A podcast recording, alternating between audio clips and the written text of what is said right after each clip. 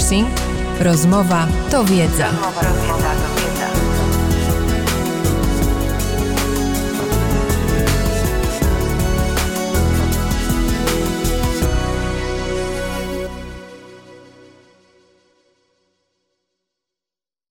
Dzień dobry, nazywam się Kalina Gierblińska i serdecznie zapraszam na podcast Nursing. Rozmowa to wiedza, który powstaje przy współpracy z wydawnictwem PZWL. W pierwszym odcinku Nursing Rozmowa to wiedza będziemy rozmawiać o stereotypach w zawodach medycznych. Państwa i moim gościem jest Maciej Latos, ratownik medyczny, magister pielęgniarstwa, specjalista pielęgniarstwa anestezjologicznego i intensywnej opieki. Uwaga, historyk, ukończył Instytut Historyczny Uniwersytetu Warszawskiego.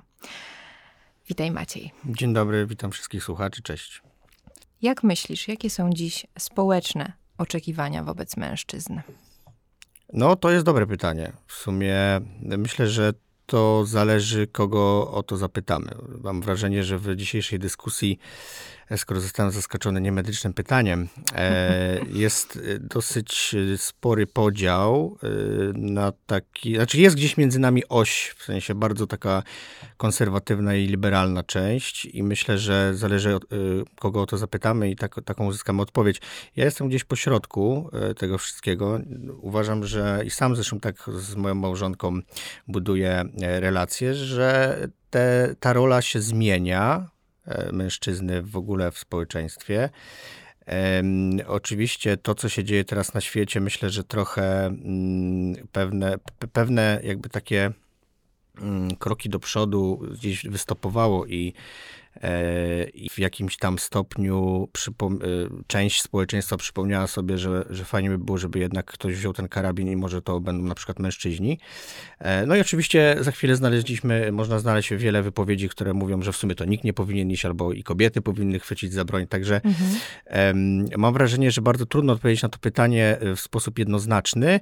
Ja bym powiedział, że te oczekiwania są zależne od tego, jaką rolę ci mężczyźni chcą w tym społeczeństwie przyjąć. Być może jest to dosyć dyplomatyczne, dyplomatyczna odpowiedź, ale wydaje mi się, że jeśli chcielibyśmy uczciwie na to pytanie odpowiedzieć, to zajęłoby nam to trochę czasu, bo, bo jednak ta oś, mam wrażenie, jest, y, ta, ta, ta linia demarkacyjna jest dosyć gruba między tymi dwoma obozami, które się jednak w, nie wiem czy na świecie, ale na pewno w Polsce e, wykształciły w ostatnich latach.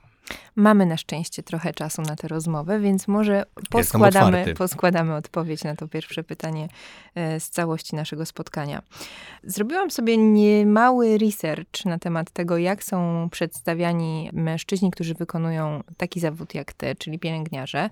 I znalazłam bardzo ciekawą informację, którą teraz zacytuję zachodnie reklamy, mające zachęcić mężczyzn do wyboru pielęgniarstwa, stosują hasło, które w wolnym tłumaczeniu brzmi: Czy jesteś wystarczająco męski, by zostać pielęgniarzem? I do tego uzupełniają całą tę komunikację wizerunkiem mężczyzn, którzy są uosobieniem siły, dominacji, są pewni siebie, są e, wysportowani. Co sądzisz o takim podejściu w promowaniu zawodu pielęgniarza i w ogóle jak media, Twoim zdaniem, wpływają na wizerunek tego zawodu?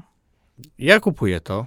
Mhm. E, znaczy, ja myślę, że to ta reklama to jest oparta na takim przewrotności trochę. Mi się wydaje, że tutaj chodziło o to, żeby y, bardzo zakontrastować to, jaki ten wizerunek pielęgnia, w ogóle pielęgniarstwa obecnie, e, obecnie jest na świecie. Myślę, że to, to, to dotyczy też nie tylko Polski. To znaczy, przez taki dosyć prosty, ale właśnie kontrastujący przekaz, pokazuje się, że ten zawód nie polega, czy dawno przestał sprawować wyłącznie funkcje opiekuńcze, które historycznie są przypisywane kobietom ale obecnie wiemy, że, e, że to się zmieniło. E, I generalnie myślę, że to, to jest ta, ta reklama, czy, czy, te, te, czy ten spot y, no, miał, tak, miał za zadanie przekazać jakby na, maksa, na maksymalnie kontrastujący stosunek i, i, zachęc, i zachęcić jakby pokazać, że te funkcje pielęgniarstwa są różne, bo zobaczcie, e, nie wiem, czy oglądaliście na przykład taki serial na dobre i na złe. Mm-hmm, Parę tak. lat temu tam y, był taki fenomen, tam się pojawił pielęgniarz. On chyba miał na imię Szczepan, ale to musiałaby mnie poprawić moja koleżanka, z którą też nagrywałem podcast, która jest scenarzystką na dobrej na złe. I tam był taki pielęgniarz, który e, prezentował wszystkie cechy stereotypowego pielęgniarza w tamtych czasach. To znaczy, myślę, że jakieś 10-15 lat temu. Czyli to mhm. był właśnie, to, było taka, to był taki zupełnie antymodel tego, o czym powiedziałeś przed chwilą. Czyli to był wątły chłopiec bez zarostu, taki jakby było pokazane to jakby wszystkie cechy przypisywane normalnie e, silnym mężczyznom, tak, tak stereotypowo, czyli zarost, można powiedzieć taki norweski drwal, e, jakby był zupełnie odwrócony. I to był taki leciwy mężczyzna, który, e, który e, trzymał za rękę faktycznie starsze panie i się uśmiechał. I ja myślę, że trochę takie właśnie, taki przekaz, który media chcą kreować, niestety nie w Polsce, mają właśnie odwrócić trochę tendencję. Jeśli sobie przejrzymy Instagrama czy TikToka, no to widzimy, że ci pielęgniarze w Stanach Zjednoczonych, w Australii, jakby wyglądają zupełnie inaczej. W sensie tam idą e, mężczyźni, którzy, e, którzy są jakby muskularni, mhm. ogromni i noszą na rękach 300-gramowe dzieci, także... Bardziej słoneczny patrol tutaj tak, niż na taki bardziej, bardziej słoneczny patrol. Ja myślę, że to, to, to, to tak miało wybrzmieć. Moim zdaniem głównym problemem jest to, że w Polsce w ogóle nie mówi się o tym zawodzie w kontekście promowania, e, promowania go jako, jako pewnej idei. E, my w mediach słyszymy tak naprawdę tylko i wyłącznie albo o strajkach, albo o podwyżkach, albo o błędach.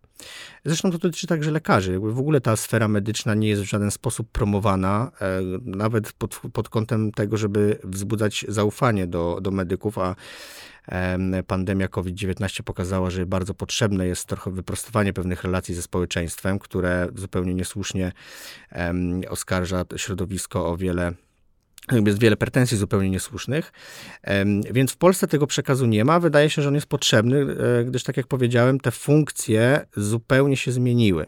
I ta rola, e, i tu nie mówię już teraz o mężczyznach, ale mówię ogólnie o e, jakby pielęgniarkach, pielęgniarzach, że te funkcje e, i rola pielęgniarki w, obecnie w terapii no jest diametralnie różna niż 20 lat temu, inna.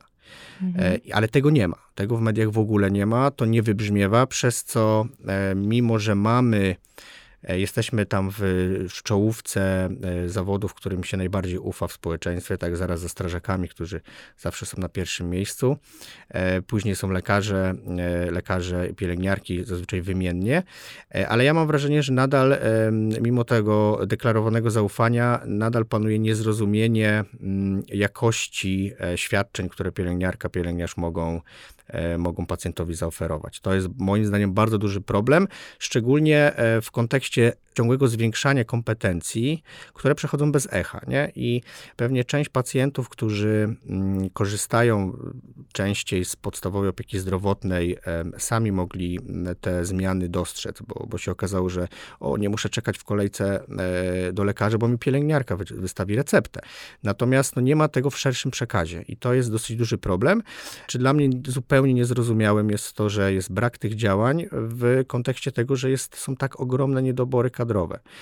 Jest maj, ja idąc tutaj spacerkiem mijałem maturzystów uśmiechniętych, e, no i jestem bardzo ciekawy, ilu z, z nich wybierze świadomie ten zawód, chociażby ilu chłopaków, których tam widziałem po drodze, e, jako zawód pierwszego wyboru, a nie zawód jako jakby tak zwany nagroda pocieszenia, bo nie dostał się na inne studia. I to jest trochę takie, e, taki obszar, w którym uważam, że powinniśmy podziałać, znaczy my jako, jako w ogóle społeczeństwo i osoby, które mają na to wpływ, e, żeby właśnie ten, to pielęgniarstwo było często tym pierwszym wyborem.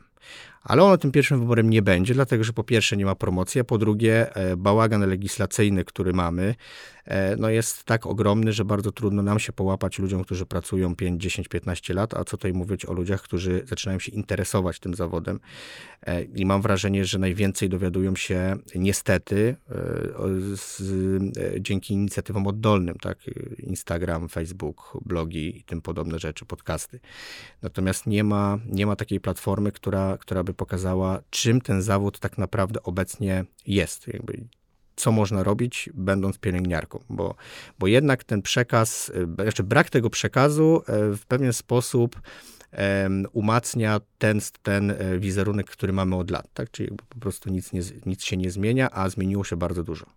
Jeszcze o wizerunku będziemy mówić, ale chciałabym teraz Cię zaczepić o to, co powiedziałeś o pierwszym wyborze. Pielęgniarstwo nie było też Twoim pierwszym wyborem, bo tak jak Cię przedstawiałam, e, wspomniałam o tym, że studiowałeś historię na Uniwersytecie Warszawskim, czyli jak mniemam, miałeś zupełnie inny pomysł na siebie niż dzisiejsze Twoje zawodowe realizacje. E, tak, to prawda. Na pewno pan profesor Kochanowski, e, który był moim promotorem na studiach historycznych, odetchnął z ulgą że opuściłem e, e, mury Uniwersytetu Warszawskiego i nie kontynuowałem studiów magisterskich, e, co nie oczywiście czego nie dawał mi nigdy odczuć, ale, ale myślę, że tak było, chociaż z panem profesorem miałem bardzo dobre relacje i robił co mógł, żeby zrobić ze mnie historyka. No i mm, a skąd się to wzięło? No wzięło się to mm, z różnych przyczyn. Może zacznę od tego, że ja w ogóle pochodzę z rodziny medycznej. Mhm. Jakby ja to tak przysłowiowo zamiast grzechotką bawiłem się strzykawką, yy, bawiłem się, no może nie skalpelem, ale różnymi narzędziami i tak dalej, ponieważ mój yy, ojciec był chirurgiem, więc różne dziwne przyrządy w szufladach między śrubokrętami leżały. Moja mama jest dietety dietetykiem, dietetyczką, ciężko mi teraz to powiedzieć, żeby to dobrze zabrzmiało, ale, ale zajmuje się żywieniem klinicznym. No i moja ciotka i tak dalej, i tak dalej. Więc ja od zawsze u mnie w domu jakby ta medycyna była obecna. Na szczęście nigdy nie odczuwałem presji, że, e, że jakby muszę kontynuować tradycję rodzinną, e, za co, za co dziękuję moim rodzicom. E, natomiast moimi zainteresow moje zainteresowania zawsze gdzieś oscylowały wokół tekstów, wokół tekstów i będąc, będąc jeszcze gimnazjum. Zajmowałem się jakimś tam, e, e, no jakby język polski był jednym z moich ulubionych przedmiotów, więc jakby siłą rzeczy jakby to szło dalej. Ukończyłem liceum w klasie humanistycznej. No i jakby naturalnym wyborem e, człowieka, który chce zostać dziennikarzem, redaktorem, no nie powinny być moim zdaniem studia dziennikarskie, tylko takie, które, które nam pokażą trochę więcej, bo ten warsztat zawsze można nadrobić. Tak przynajmniej ja to widziałem, więc sobie wybrałem studia historyczne. A że, no niestety, y, jedną z moich życiowych zmur jest to, że ja nie umiem być w czymś tylko jakby trochę i to dotyczy nie tylko pracy, ale również hobby i tak dalej, więc y, jakby zawsze angażu, angażuję się na 100%, no to y, ta historia gdzieś tam okazało się, że jakby czytanie książek historycznych nie równa się analizowaniu średniowiecznych tekstów e, ze zrozumieniem. E, I po prostu uważałem, że nie jestem e, wystarczająco zdolny do tego, żeby być historykiem mm, w takim stopniu, jakim bym chciał być. I gdzieś tam w międzyczasie, odkładając moje rozważania na temat poziomu, poziomu edu oczekiwanej edukacji, którą chciałem odebrać. Gdzieś tam zapaliło mi się takie światełko i, i że gdzieś obudziły się te moje rodzinne demony i stwierdziłem, że może e, zahaczę sobie o tą medycynę w sposób taki zupełnie niezobowiązujący i, i e, udałem się na kurs pierwszej pomocy. Coś mi ruszyło i poszedłem do Polskiego Czerwonego Krzyża. E, zresztą tam poznałem mojego serdecznego przyjaciela Marcela, z którym obecnie pracuję. Zostałem następnie instruktorem pierwszej pomocy, a następnie czułem, że jakby gdzieś to już mnie wciąga. Na studiach historycznych byłem członkiem Niezależnego Życzenia Studentów. Tam stworzyliśmy e, taką sekcję, która nauczała studentów Uniwersytetu Warszawskiego pierwszej pomocy. No i jakby zaczęło się. Jak się okazało, że zaczęliśmy szkolić z tej pierwszej pomocy, no to gdzieś tam pojawiło się, e, pojawiła się taka myśl, że no można by było się nauczyć trochę więcej e, i poszukać odpowiedzi na różne pytania, no bo jak faktycznie otworzyło się książki, to się okazało, że ta pierwsza pomoc to jest tylko taki procencik tego wszystkiego, tej całej wiedzy, która jest dostępna, a ona e, w ogóle nic mi nie mówi. No więc oszczędzając gotówkę bo to były jeszcze czasy, jak się mieszkało we czterech e, na Powiślu, za parę groszy można było sporo oszczędzić. Ukończyłem takie dwuletnie e, studium medyczne na kierunku ratownictwo medyczne. E, no i dobrze mi szło. Zupełnie szczerze um, mogę powiedzieć, że, że, że, poczułem, poczułem, że to jest, to jest coś, w czym, do czego mam dryk. No i zostałem tym ratownikiem medycznym. No i właśnie te zmory, o których mówiłem, spowodowały, że no jak jestem ratownikiem medycznym, no to mogę pracować tylko e, w pogotowiu, mm, a może bym jeszcze popracował jednak w szpitalu, ale żeby pracować w szpitalu, to może jednak by był kończyć pielęgniarstwo. Gdy zastanawiałem się nad tym, mm, kolega, z którym mieszkałem, zaproponował, żeby pójdziemy do pobliskiego szpitala i zatrudnimy się tam w roli sanitariuszy, żeby zobaczyć, jak to e, życie szpitalne wygląda. E, no i tak wyszło, że tamtejsza pani dyrektor do spraw pielęgniarstwa zatrudniła nas na oddziale internistycznym. Zaczęliśmy pracować, e, no i stopniowo podlegałem takiej indoktrynacji pielęgniarskiej, bo zostałem tam dosyć ciepło przyjęty przez cały zespół. No i okazało się, że no nie ma innego wyjścia, trzeba, trzeba na te studia się dostać. No i no, dostałem się, pracowałem sobie w szpitalu, e, zdobywałem jakieś tam pierwsze doświadczenia, pierwsze przyjemne bądź mniej przyjemne zapachy, e, widoki i, i tym podobne rzeczy. I minęły trzy lata, no, otrzymałem dyplom ukończenia studiów pielęgniarskich. No i tak to się zaczęło wszystko. I powiedziałeś, że zostałeś ciepło przyjęty, ale czy to właśnie dlatego, że jesteś mężczyzną, który wykonuje taki zawód, który idzie w kierunku pielęgniarstwa? O nasz rodzynek, taki Nie, myślę, że nie. W sensie, jeśli chodzi o ten okres, w którym e, zostałem, przy, jako którym wykonywałem tą pracę sanitariusza, myślę, że tu chodziło bardziej o mój mm, spryt i zaradność w, w pracy, którą prezentowałem, ponieważ jakby nie byłem pierwszą osobą na tym stanowisku, to z racji oczywiście niewielkiej pensji to stanowisko się zmieniało, ludzie się zmieniali dosyć często, zazwyczaj to byli mężczyźni, bo to była praca z góry skazana i właśnie to jest stereotyp na e, pracę ciężką, czyli e, zawożenie pacjentów, e, zawożenie pacjentów na badania, pomoc w przekładaniu pielęgniarkom i tak dalej. No jakoś tak szczęśliwie wyszło, że, że wcale tej fizycznej pracy ja tam nie wykonywałem, tylko zajmowałem się bardziej koordynowaniem tego wszystkiego. I ta, to, to ciepłe przyjęcie wynikało bardziej z tego, że, że po prostu E, byłem osobą komunikatywną, otwartą na, e, jakby na relacje. Zresztą ja chyba w ogóle tamten okres, y, pewnie ludzie, którzy, którzy ze mną wtedy pracowali, w, ogóle na to nie zwracali uwagi, ale dla mnie osoby, która dopiero co, e, bo ja wtedy kończyłem to ratownictwo i zaczynałem pielęgniarstwo, to taki był, miałem jeden rok na zakładkę. Mhm. Um, oni nie byli tego świadomi, ale ja budując relacje z pielęgniarkami, z lekarzami, okazało się, jakby budowałem sobie świadomość, że jakby w tych zespołach może być trochę inaczej niż widzimy to w szpitalu, widzimy to w, w sensie szpitalu, będąc na przykład odwiedzającym e, rodzinę, czy widząc to w serialach, czy słuchając jakichś tam opowieści, że, że z tymi ludźmi da się dogadać i że tak naprawdę ja będąc sanitariuszem dogadywałem się z całym zespołem, jakby nie było problemu, więc to też dodatkowo było taką motywacją, że tak, to może być fajna rzecz i fajny pomysł y, na siebie, nie? Mhm.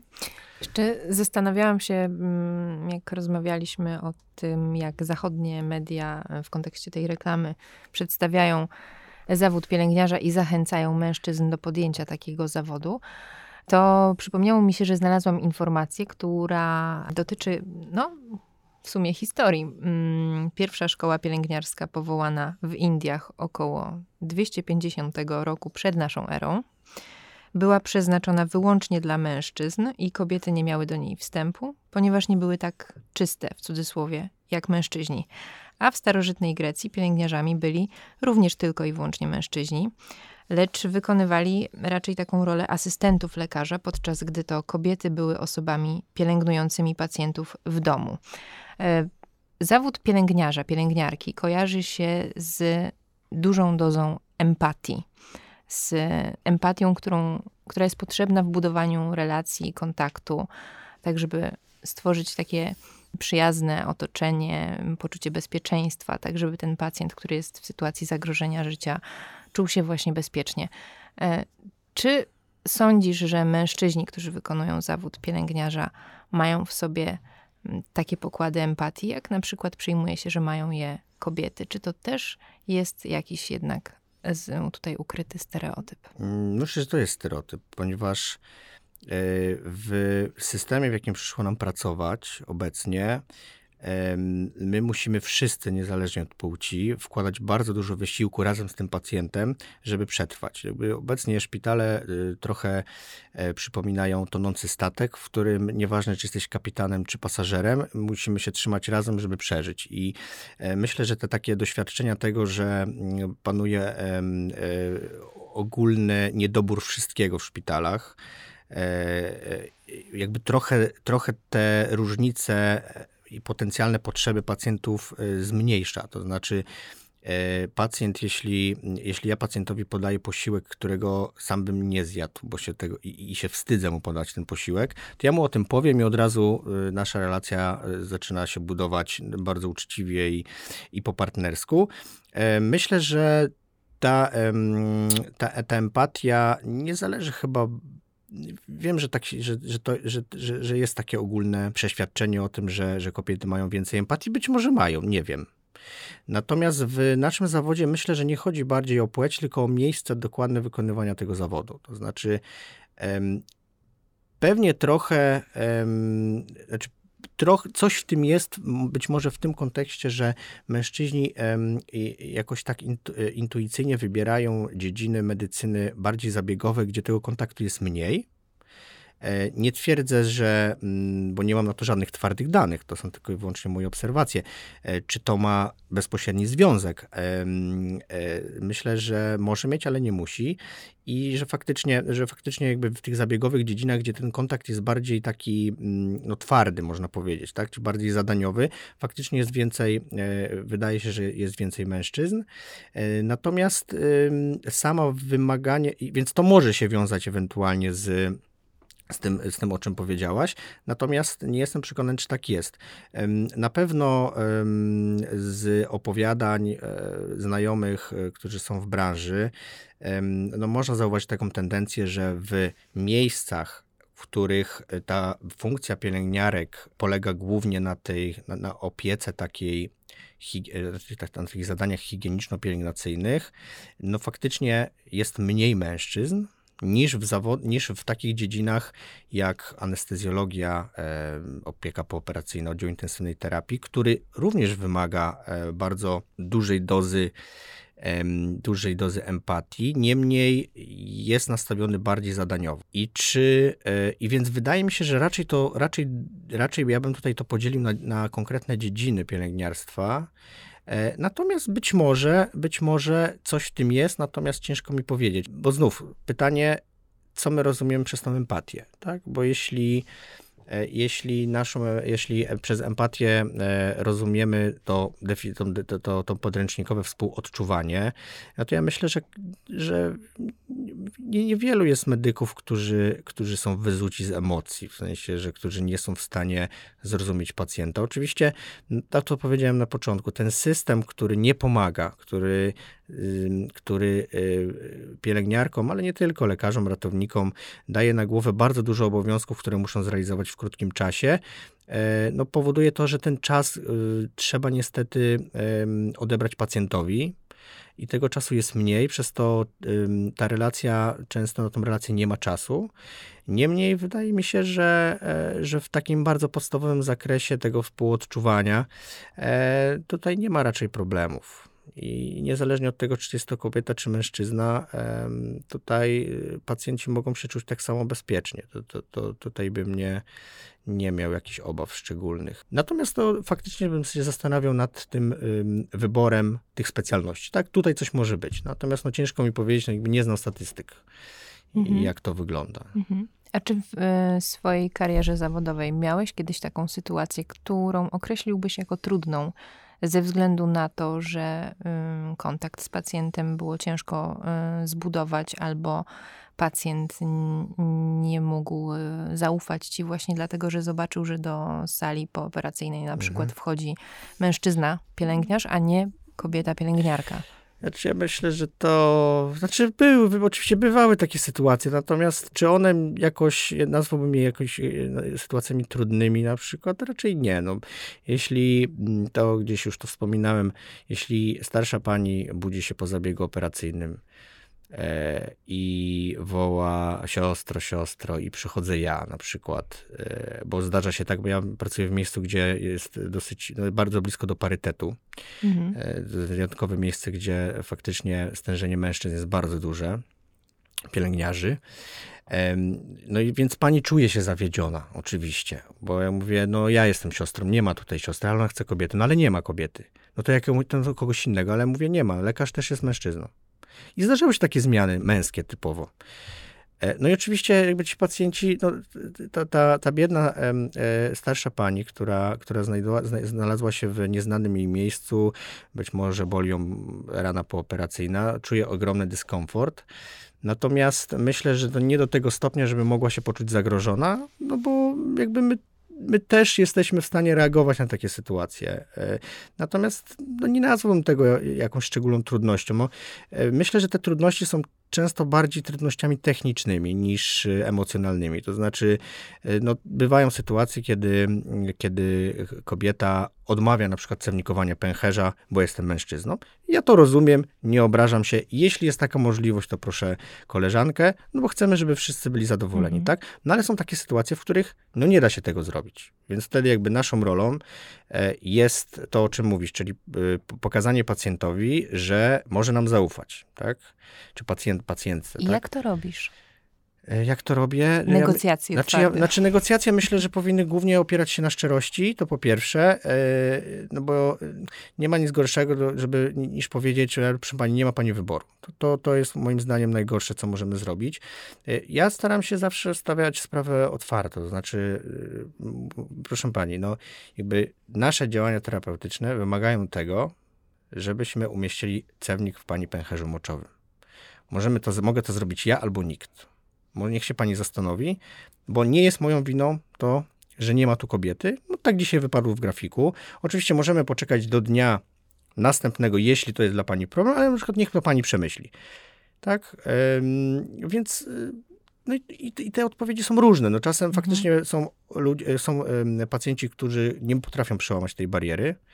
Natomiast mi się wydaje, że te nasze dyskusje tutaj w takim klimatyzowanym, fajnym pomieszczeniu, zupełnie, zupełnie jakby ta percepcja się zmienia, kiedy leżysz w łóżku, mm. wszystko cię boli i tak naprawdę masz wszystko gdzieś i jakby nad twoim celem jest przetrwać. Ja mam takie wrażenie.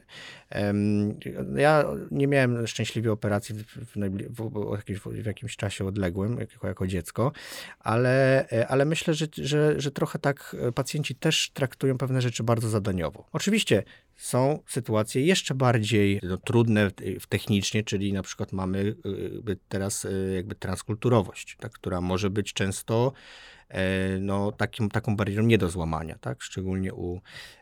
No, no więc jakby trzeba wykazać szacunek i znów, no w szpitalu też nie ma takiej możliwości, żeby żeby nie załatwić czegoś, jeśli się bardzo tego chce. To znaczy, e, pracując w szpitalu, gdzie e, pracuje 100, 200, 500 pielęgniarek, no zawsze jesteśmy w stanie coś wykombinować, tylko to wymaga oczywiście od nas wysiłku.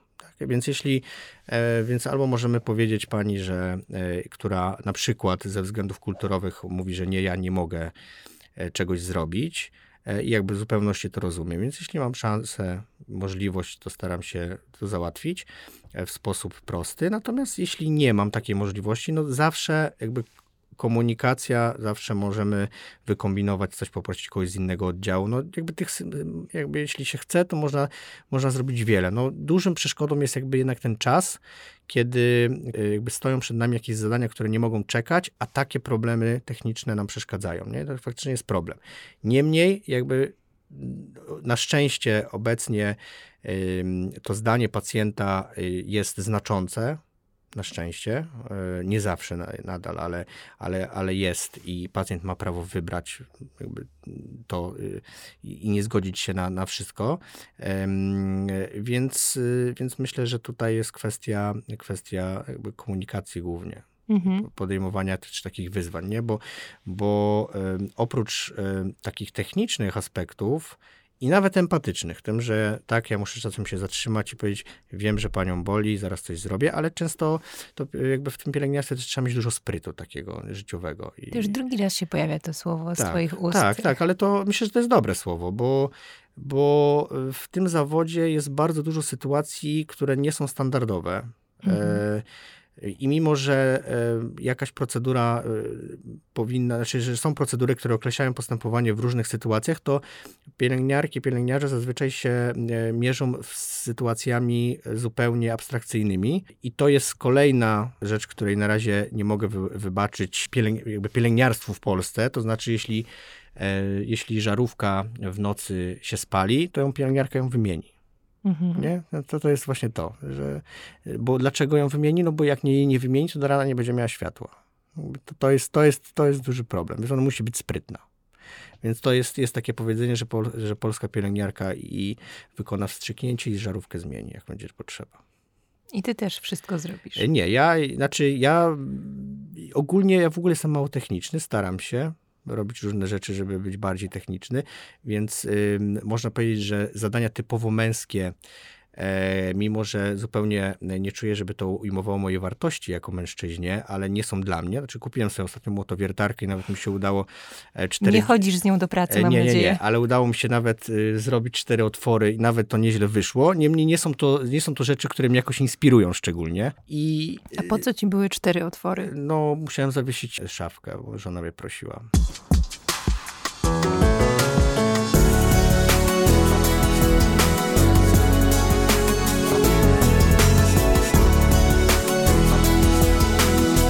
Nursing. Rozmowa to wiedza. Ale jeszcze chciałabym podrążyć temat tego sprytu. Śmiało. Co to znaczy sprytny pielęgniarz? E, sprytny pielęgniarz to jest y, y, człowiek, czy pielęgniarka, to w ogóle nie ma znaczenia, skoro rozmawiamy już o płci. Mhm. E, to są osoby, które reagują błyskawicznie na sytuacje nieprzewidziane, tak jak powiedziałem o tej żarówce. I to nie musi być zmiana żarówki, to może być e, wykombinowanie kogoś, kto ją zmieni. E, I to jest, to są osoby, które e, jakby podejmują małe wyzwania dla większego celu. Bo często jest tak, że często jest tak, że coś coś nam przeszkadza w zrealizowaniu jakiegoś zadania i wymyślenie szybkiej alternatywy do tego pozwala ten cel osiągnąć. Tutaj prostymi przykładami są chociażby braki sprzętowe, czyli najprostsze rzeczy, które wydawałoby się, że są oczywiste, że no jak to czegoś nie ma, ale czasem czegoś nie ma, a coś trzeba podać. I każdy, kto pracuje w szpitalu, e, wie, że z bandaża z cewnika da się zrobić wszystko. Wszystkie przejściówki świata i tak dalej, i tak dalej, które oczywiście są na rynku i można je kupić, tylko że nikt ich nie kupuje. Więc czasem, żeby połączyć dwa końce, trzeba wykorzystać sprzęt zupełnie do tego nie przeznaczony, ale konieczny. Teraz mi się wydaje, że przechodzimy z serialu Na dobre i na złe Słonecznego Patrolu do MacGyvera. I myślę, że to jest całkiem dobre Trochę tak. porównanie. Tak. Powiedz mi proszę, jak twoi bliscy zareagowali na Twoją decyzję, że jednak to nie będzie historia. Mm, wspomniałeś, że jesteś z rodziny mm, lekarskiej, więc odetchnęli z ulgą, czy wręcz bali się o to, jak to będzie? Zdania były podzielone, to znaczy mój, mój ojciec już nie żyje dosyć długi czas, więc, więc nie wiem, jakby zareagował na, tą, na taką decyzję. Natomiast moja, e, moja mama zawsze była otwarta na moje wszelakie pomysły. Tutaj zawsze mogłem liczyć na jej wsparcie i tutaj powiedziała, no skoro tak, to, to okej, okay. chociaż pamiętam, że jak powiedziałem jej przez telefon, że idę na pielęgniarstwo, to się zaśmiała, że e, będę siostrą oddziałową. Jak słucham e, Twoich opowieści, to wchodzi na to, że mm, te stereotypy dotyczące pielęgniarstwa też są zakorzenione w języku. Opowiadałeś o pacjentce, starszej kobiecie, która krzyczała siostro, siostro, a tutaj do sali wchodzisz ty, mężczyzna. Tak. No dobrze, to jak wezwać pielęgniarza? My na co dzień nie mamy tego problemu. Ja mam wrażenie, że to jakby społeczeństwo chce, żeby to był problem, ale my absolutnie tego problemu nie mamy. Ja myślę, że oczywiście nie wypowiadam się w imieniu wszystkich pielęgniarzy e, w tych dwóch procentach, e, którzy w Polsce w całej środowisku pielęgniarskim istnieją. Niemniej wydaje mi się, że, że panowie tutaj nie mają żadnych kompleksów i żadnych problemów z tym. No, no, różnie. Powiem szczerze, że czym dłużej pracuję, tym mniej zwracam uwagę na takie niuanse, że dostrzegam, że to zupełnie nie ma znaczenia. I wielokrotnie rozmawiałem z pacjentami, którzy mówią do nas, doktorze, e, bo jesteśmy mężczyznami, ale zauważyłem też, że e, pacjenci są często pogubieni, bo, bo też y, ta identyfikacja, no nie mamy czepków teraz, jest trudna. Ja często, często rozmawiając z pacjentami, kiedy tam mówię, do doktorze, coś tam, mówię, że jestem pielęgniarzem i w większości odpowiedź, którą słyszę od pacjentów, to mówi, to dla mnie to nie ma znaczenia. Ja mam wrażenie, że, że ci, ci pacjenci właśnie potrzebują jakiegoś zwrotu zaczepnego, natomiast nie idzie z, z tym żaden ładunek, jakby E, który miałby określać e, zawód, który czegoś, czy czegoś potrzebują, czy nie. Szczególnie, że no ja pracuję w miejscu, gdzie cały zespół pielęgniarski jest bardzo kompetentny, gdzie ten kontakt z pacjentem jest bardzo bezpośredni, e, gdzie my musimy z, od, odpowiadać często na bardzo wiele pytań pacjentów, E, no bo nas jest, y, nas jest tam e, powiedzmy siedmioro, ośmioro na zmianie, bo jest ogromny oddział, a lekarz jest jeden. Więc często to my jesteśmy bombardowani tymi pytaniami i jeśli pacjenci widzą, że dostają taką odpowiedź, jakiej potrzebują. To znaczy, jeśli chcą się zapytać o to o ta, o, i o tamto i dostają to od pielęgniarki czy od pielęgniarza, to w ogóle jakby nie ma to żadnego znaczenia. I jak zawołają? Różnie. W większości to, w większości obecnie wołają proszę pana i w ogóle nie ma problemu. Pacjenci, którzy leżą dłużej, e, którzy bardzo dobrze słuchają i którzy są naprawdę e, niezłymi obserwatorami, jak wyłapią imię, to po prostu, to po prostu dodają też imię. To też w jakiś sposób skraca dystans i, i to jest, wydaje mi się, że zupełnie w porządku. Dobrze, to teraz ja mam jeszcze jedno pytanie e, dotyczące mm, wizerunku tego zawodu. Gdybyś spotkał kogoś, kto się zastanawia, czy iść w tę stronę, czy wybrać ten zawód, to co byś mu powiedział? Oczywiście bym zachęcił. E, dlaczego? Sposób? No dlaczego? No, nie mogę go zachęcić niestety preferencyjnymi warunkami w banku, co jest zupełnie e, absurdalne, bo w każdym cywilizowanym kraju zachodnim i północnym powiedzenie się, jakby przedstawienie umowy pielęgniarskiej jest furtką do każdego kredytu, bo okazuje się, że tej pracy nigdy nie zabraknie i tu w ogóle jest i tutaj nie ma problemu, chociaż w Polsce zdarzają się teraz już oferty specjalnie dla, dla e, e, zespołów pielęgniarskich, to jest dobre, e, ale jakby głównym takim rynkowym, rynkowym w dobie tego, co się dzisiaj dzieje, no na pewno rzeczą, która zachęca jest to, że ta praca faktycznie jest, ona będzie i bezrobocie tutaj nie grozi, jeśli byśmy mieli rozważyć to zupełnie technicznie. Oczywiście kwestia zarobków jest dosyć istotna. E, no niestety, żeby dobrze zarobić, to trzeba pracować dużo. Moim zdaniem medycy w ogóle przesadzają z liczbą godzin, które, które wypracowują. Ja sam tyle nie pracuję, ale też robię inne rzeczy. Y, więc oczywiście te zarobki mogły być lepsze, niemniej e, no, też nie można powiedzieć, że, że ktoś głoduje bez przesady. To, to, to, to też, też nie jest tak. Natomiast jak gdybyśmy chcieli wejść w walory jakieś takie bardziej mm, e, e, konkretne, poza takimi technicznymi, no to bardzo, bardzo dynamiczny rozwój tego zawodu, bo jednak mimo że właśnie w mediach to w ogóle nie wybrzmiewa, no to ten zawód się zmienia i ja przez 10 lat, które pracuję e, w zawodzie pielęgniarza, już te zmiany dostrzegam. E, ale to, co moim zdaniem jest największym atutem, to jest ta różnorodność dziedzin, w których można pracować. I naprawdę możemy spotkać w Polsce dwie pielęgniarki, które, z, które nie będą miały ze sobą o czym rozmawiać, bo będą zupełnie róż, na, na, zupełnie różnych biegunach, jeśli chodzi o dziedziny. Więc ten przekrój miejsc, e, specjalności, w którym można pracować, jest naprawdę ogromny i tych możliwości jest dużo. E, I ja myślę, że no, to wszystko idzie bardzo powoli do przodu, ale no, jakby wszystkie okoliczności które, które gdzieś tam zachodzą, będą mimo wszystko zmuszać i rządzących, i, i społeczeństwo, i, w ogóle, żeby to, ten zawód jednak wzrastał. I te mankamenty, które są, one wynikają głównie z zaszłości historycznej, jednak się zmieniały, bo też zmienia się pokolenie. No, przed nami jedna z większych fal emerytur pielęgniarskich, więc no, na ten problem jakoś trzeba będzie zareagować.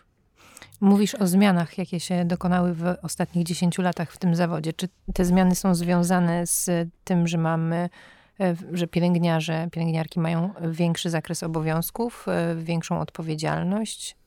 Mm, no, myślę, że tu jest głównie zmiana mentalności.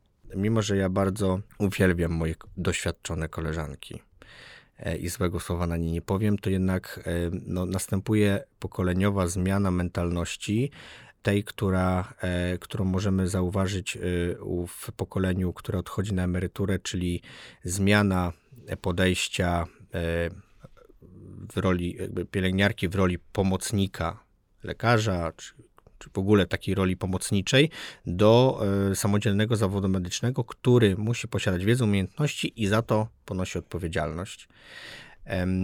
I to mi się wydaje, że jakby głównie na tym, w tym obszarze ta zmiana następuje.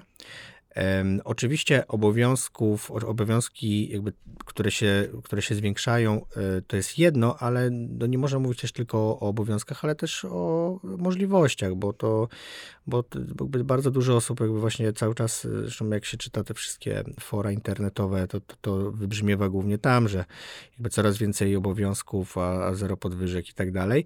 Natomiast no, osoby, które w tym zawodzie chcą zrobić coś, coś i czuć się spełnione, to, to zrobią to, bo, bo to się da zrobić zupełnie bez problemu. No i jeśli chcemy faktycznie pełnić rolę specjalistów i zgodnie z ustawą i ze stanem faktycznym, to tą odpowiedzialność trzeba brać, tak? To, to jakby nie jest nic nowego, no zawsze tak było. To znaczy bardzo dużo osób chciałoby mm, szacunku, pieniędzy, poważania, ale tej odpowiedzialności by nie chciała, tego się nie da zrobić. A ty jesteś spełniony w swoim zawodzie? Oczywiście. Ja, ja, dlatego ja wszystkim bym to polecił. Wiem, że to nie jest dla wszystkich, bo no też y, to jak w każdym zawodzie. No są ludzie, którzy chcą przyjść do pracy, zrobić swoje wyjść, i myślę, że te osoby najbardziej cierpią w tym zawodzie, bo, bo to są osoby, które jakby korzystają z gotowych rozwiązań, które, kiepsko, które czasem są po prostu kiepskie, e, które chciałyby e, zrobić swoje i wyjść. Natomiast no ja do, do, do, należę do tej drugiej grupy, która jest chyba jednak nadaktywna i jakby cały czas, y, cały czas próbuje również zmieniać swoje środowisko pracy, żeby było lepiej, żebyśmy szli w stronę e, tego pielęgniarstwa prawdziwie e, nowoczesnego. Więc ja jak najbardziej się czuję spełniony i mam nadzieję, że mi do emerytury wystarczy y, czasu, żeby te wszystkie plany, które mam, zrealizować. A jakie masz plany? No, nie jest tajemnicą to, że jakby trochę działam na, na tej przestrzeni promocji zawodu, więc y, ja bardzo bym chciał, żeby może, nie wiem, w perspektywie dziesięcioletniej faktycznie zmiana tego wizerunku pielęgniarki, pielęgniarza w Polsce się, się dokonała. Natomiast y, zmiana bardziej konkretna, w takim już ujęciu klinicznym można powiedzieć, żeby faktycznie stworzyć taką przestrzeń, żeby te zespoły pielęgniarskie faktycznie znalazły swoje obszary, w których będą specjalistami zupełnie autonomicznymi i to się da zrobić, bo widzę, że się da zrobić, tylko potrzeba trochę czasu i, i woli. E, więc, więc to jest mój cel na najbliższe 10 lat. I jak już tak będę przed emeryturą, to już bym chciał tak sobie popatrzeć na tych ludzi, którzy już z tego korzystają. Czyli jest w tobie też taka dusza rewolucjonisty. E, być może. No te rozwiązania e, jakby są, tylko trzeba je, jakby one są na stole. Trzeba je po prostu podnieść i wykorzystać, bo mm, bardzo dużo się mówi o tych, znaczy teraz już coraz mniej, ale ogólnie, ogólnie dużo się mówi o, o tych relacjach zespołów pielęgniarskich, lekarskich. Tutaj nastąpiła ogromna zmiana również, mam wrażenie, pokoleniowa, e, gdzie te zespoły interdyscyplinarne faktycznie z prawdziwego zdarzenia istnieją i ja sam pracuję w takim zespole, gdzie, gdzie faktycznie e, e, czujemy się partnerami i każdy po prostu robi swoje dla jednej większej, dla jednej całości, jakim jest jakby efekt terapeutyczny pacjenta, więc wydaje mi się, że tutaj jest dużo, dużo dobrego i to, to się zmienia.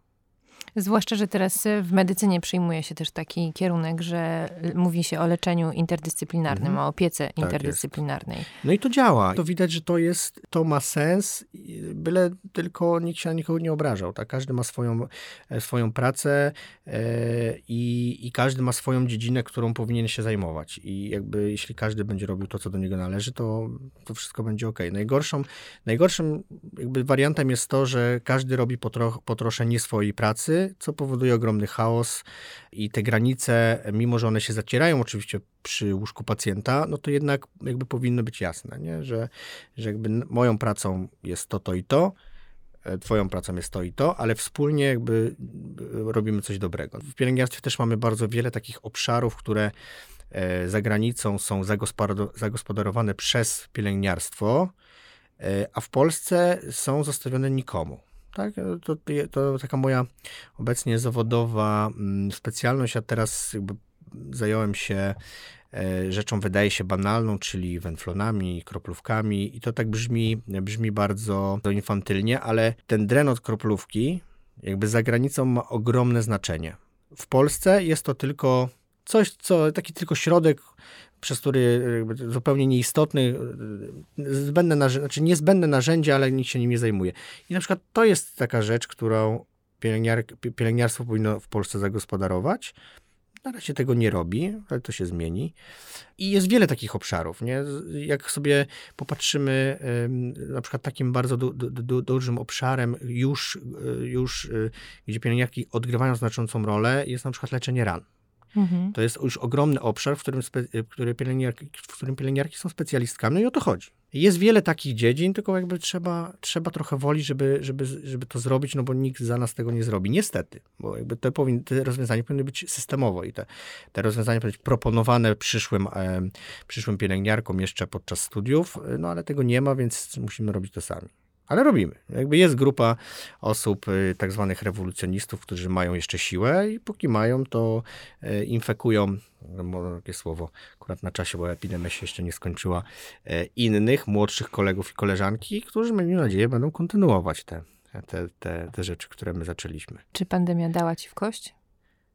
Zawodowo? Myślę, że tak. Myślę, że dała z jednej strony, czy z jednej strony na pewno jakby pokazała, że jakby nigdy nie można być pewnym czasów, które nadejdą i że będąc medykiem nagle wypada, możemy wypaść z tej takiej dyżurowej rutyny, bo jak się zaczynała pandemia, to nagle najpierw był oczywiście szał na, na te powołania do, do odległych szpitali i wszyscy szukali różnych tam e, aktów prawnych, czy, czy mnie wezmą, czy nie wezmą, czy rano mnie wyciągną z domu. E, I, to, i, i myślę, że to bardziej e, chyba to nas tak, to taka niepewność organizacyjna nas E, wymęczyła niż sam wirus, bo e, bo jednak opierając się na badaniach naukowych, e, które bardzo szybko jakby, jakby naukowcy reagowali, wydając różne zalecenia, ja nie czułem się w zagrożeniu życia czy zdrowia, będąc w kombinezonie, no bo wierzyłem, że to jest zabezpieczenie odpowiednie do tego rodzaju zagrożenia.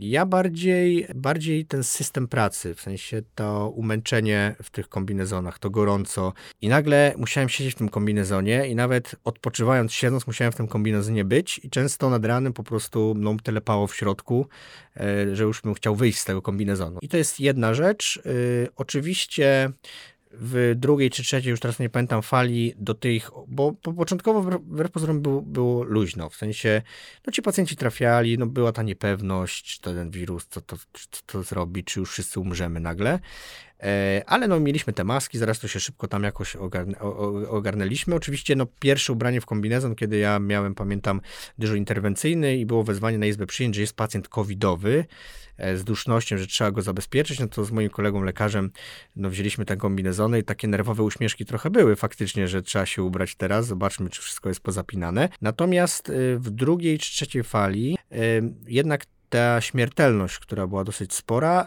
myślę, że nie bezpośrednio, ale gdzieś pośrednio w nas uderzyła. To znaczy, Mm, dało się zauważyć taką ogólną, takie ogólne, gdzieś jakiś się, akurat bałagan w relacje nasze, nie? W sensie coś, coś tutaj się pojawiło takiego, myślę, że to, to wiązało się takim podświadomym napięciem jednak, e, że niby wszyscy tą pracę wykonywali, no ale jednak ci nasi chorzy umierali na naszych oczach, często 24 godziny. To, co się działo jakby w społeczeństwie, ta sinusoida uwielbienia i hejtu, no na pewno nie pomagała, chociaż myślę, że tak przeciętny medyk, który po prostu chodził do pracy, nie wiem, czy się jakoś tam bardzo tym przejmował szczególnie, ani pewnie mm, nie cieszył się z oklasków, ani później mm, z tego, co tam gdzieś nam wypisywali, no chyba, że komuś rzucili farbę w samo, farbą w samochód, no to to mogło mieć znaczenie, tak jak e, mojej koleżance lekarce. E, no to to były nieprzyjemne sytuacje. Natomiast ta dynamika e, o, od tego, że rano z kimś rozmawiamy i tłumaczymy mu, że musi założyć wąsy z tlenem, wieczorem wkładamy mu rurkę do tchawicy i go usypiamy, a rano go pakujemy w dwa worki, no myślę, że ta dynamika tych e, postępowania tych objawów była, była taka e, wykańczająca. Ja pracując w szpitalu dużym, no nie, nikt mi nie zaproponował psychologa w żaden sposób i nikt się nie pytał, czy ja potrzebuję pomocy. Nikt nawet nie podjął się tego, żeby mnie zdiagnozować, bo ja mogę powiedzieć, że nie potrzebuję tej pomocy, mhm. ale, ale, ale myślę, że myślę, że, że wszyscy potrzebujemy. Część pewnie ma jakieś tam mechanizmy obronne, który, dzięki którym tam daje radę. No niemniej no, nie było takich środków, które mogły nam jakoś pomóc. A za chwilę okazało się, i to chyba jest też jeden z takich, y, taki, z takich rzeczy, których ja nie mogę wybaczyć systemowi ochrony zdrowia, że po tej pandemii nie nastąpiło żaden, oprócz jakby pomocy psychologicznej, nie nastąpił żaden taki okres e, rozprężenia, żeby odpocząć, nie? W sensie, żeby ludzi, nie wiem, wysłać mhm. na urlopy, mhm. nie wiem, no cokolwiek. Tylko nagle, o, wracamy, pracujemy normalnie, tutaj gdzieś będzie jeszcze ten COVID, ale już możemy tak, działać. Wydarzyło. Tak, tak jakby się nic nie wydarzyło. Mhm. Właśnie chciałam cię zapytać na koniec naszej rozmowy o to, w jaki sposób sam o siebie dbasz. No właśnie, problem jest taki, że jakby tak, y, zostawiam pracę niby w pracy, ale później dużo robię związane z, z, pracą. No chociażby, o, przychodzę na tutaj przyjmując twoje zaproszenie.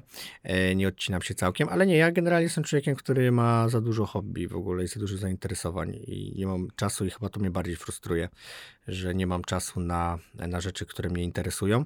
E, ale mam dwie córeczki, które nie pozwalają mi za bardzo e, myśleć na, na, na, na ten temat. Mam, mam zainteresowania, które, którym poświęcam wolne chwile, których jest niewiele i myślę, że to jest chyba ważne, żeby żeby znaleźć jednak ten, y, gdzieś tę zdrową równowagę między pracą a, a życiem osobistym. Ja miałem okres w swoim życiu, w którym pracowałem dużo i jakby bardzo szybko na szczęście udało mi się z, uporać z tym i stwierdziłem, że naprawdę jakby nie muszę e, jeździć samochodem z salonu e, kosztem tego, że, że będę co drugą dobę w pracy. Szczególnie, że głównie jeżdżę na rowerze, na szczęście. Co pewnie też jakby ma wpływ na, na poziom endorfin e, w mojej krwi. I jakby wydaje mi się, że jakby zachowanie tego zdrowego rozsądku między pracą a tym, co, co, nas, co, co, co, co lubimy robić, jakby jest tutaj kluczowe, bo no, tak jak chyba, chyba zasugerowałaś, albo to już ja sobie sam zasugerowałem się zgubiłem, e, no jakby zdrowy człowiek, który się zajmuje chorym człowiekiem, no tylko może to zrobić. Nie? Jeśli my jesteśmy zmęczeni, e, zmęczeni ledwo, e, zapałki w oczach i tak dalej, no to, no to ten chory nas nie będzie interesował. I no, jeśli chciałbym zarabiać bardzo dużo, to bym został, nie wiem, informatykiem albo po, bo prezesem banku. No niestety. Bogu dziękować, że jesteś jednak pielęgniarzem. Ale nie, ale tak, tak. Ja w sensie, no jak widzisz, nie, no, nie głoduję, przyjechałem tutaj w miarę takim Bardzo dobrze tak. wyglądasz. Tak, tak, że myślę, że, że będzie dobrze. Będzie dobrze i taka jest nasza puenta tak naszego spotkania, za które Ci serdecznie dziękuję.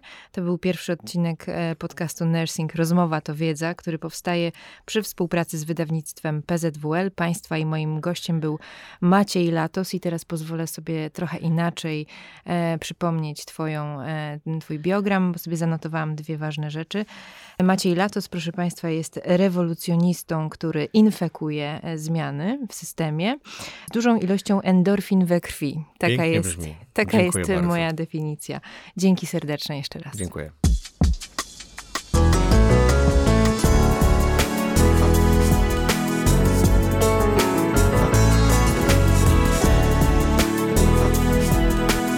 Nursing.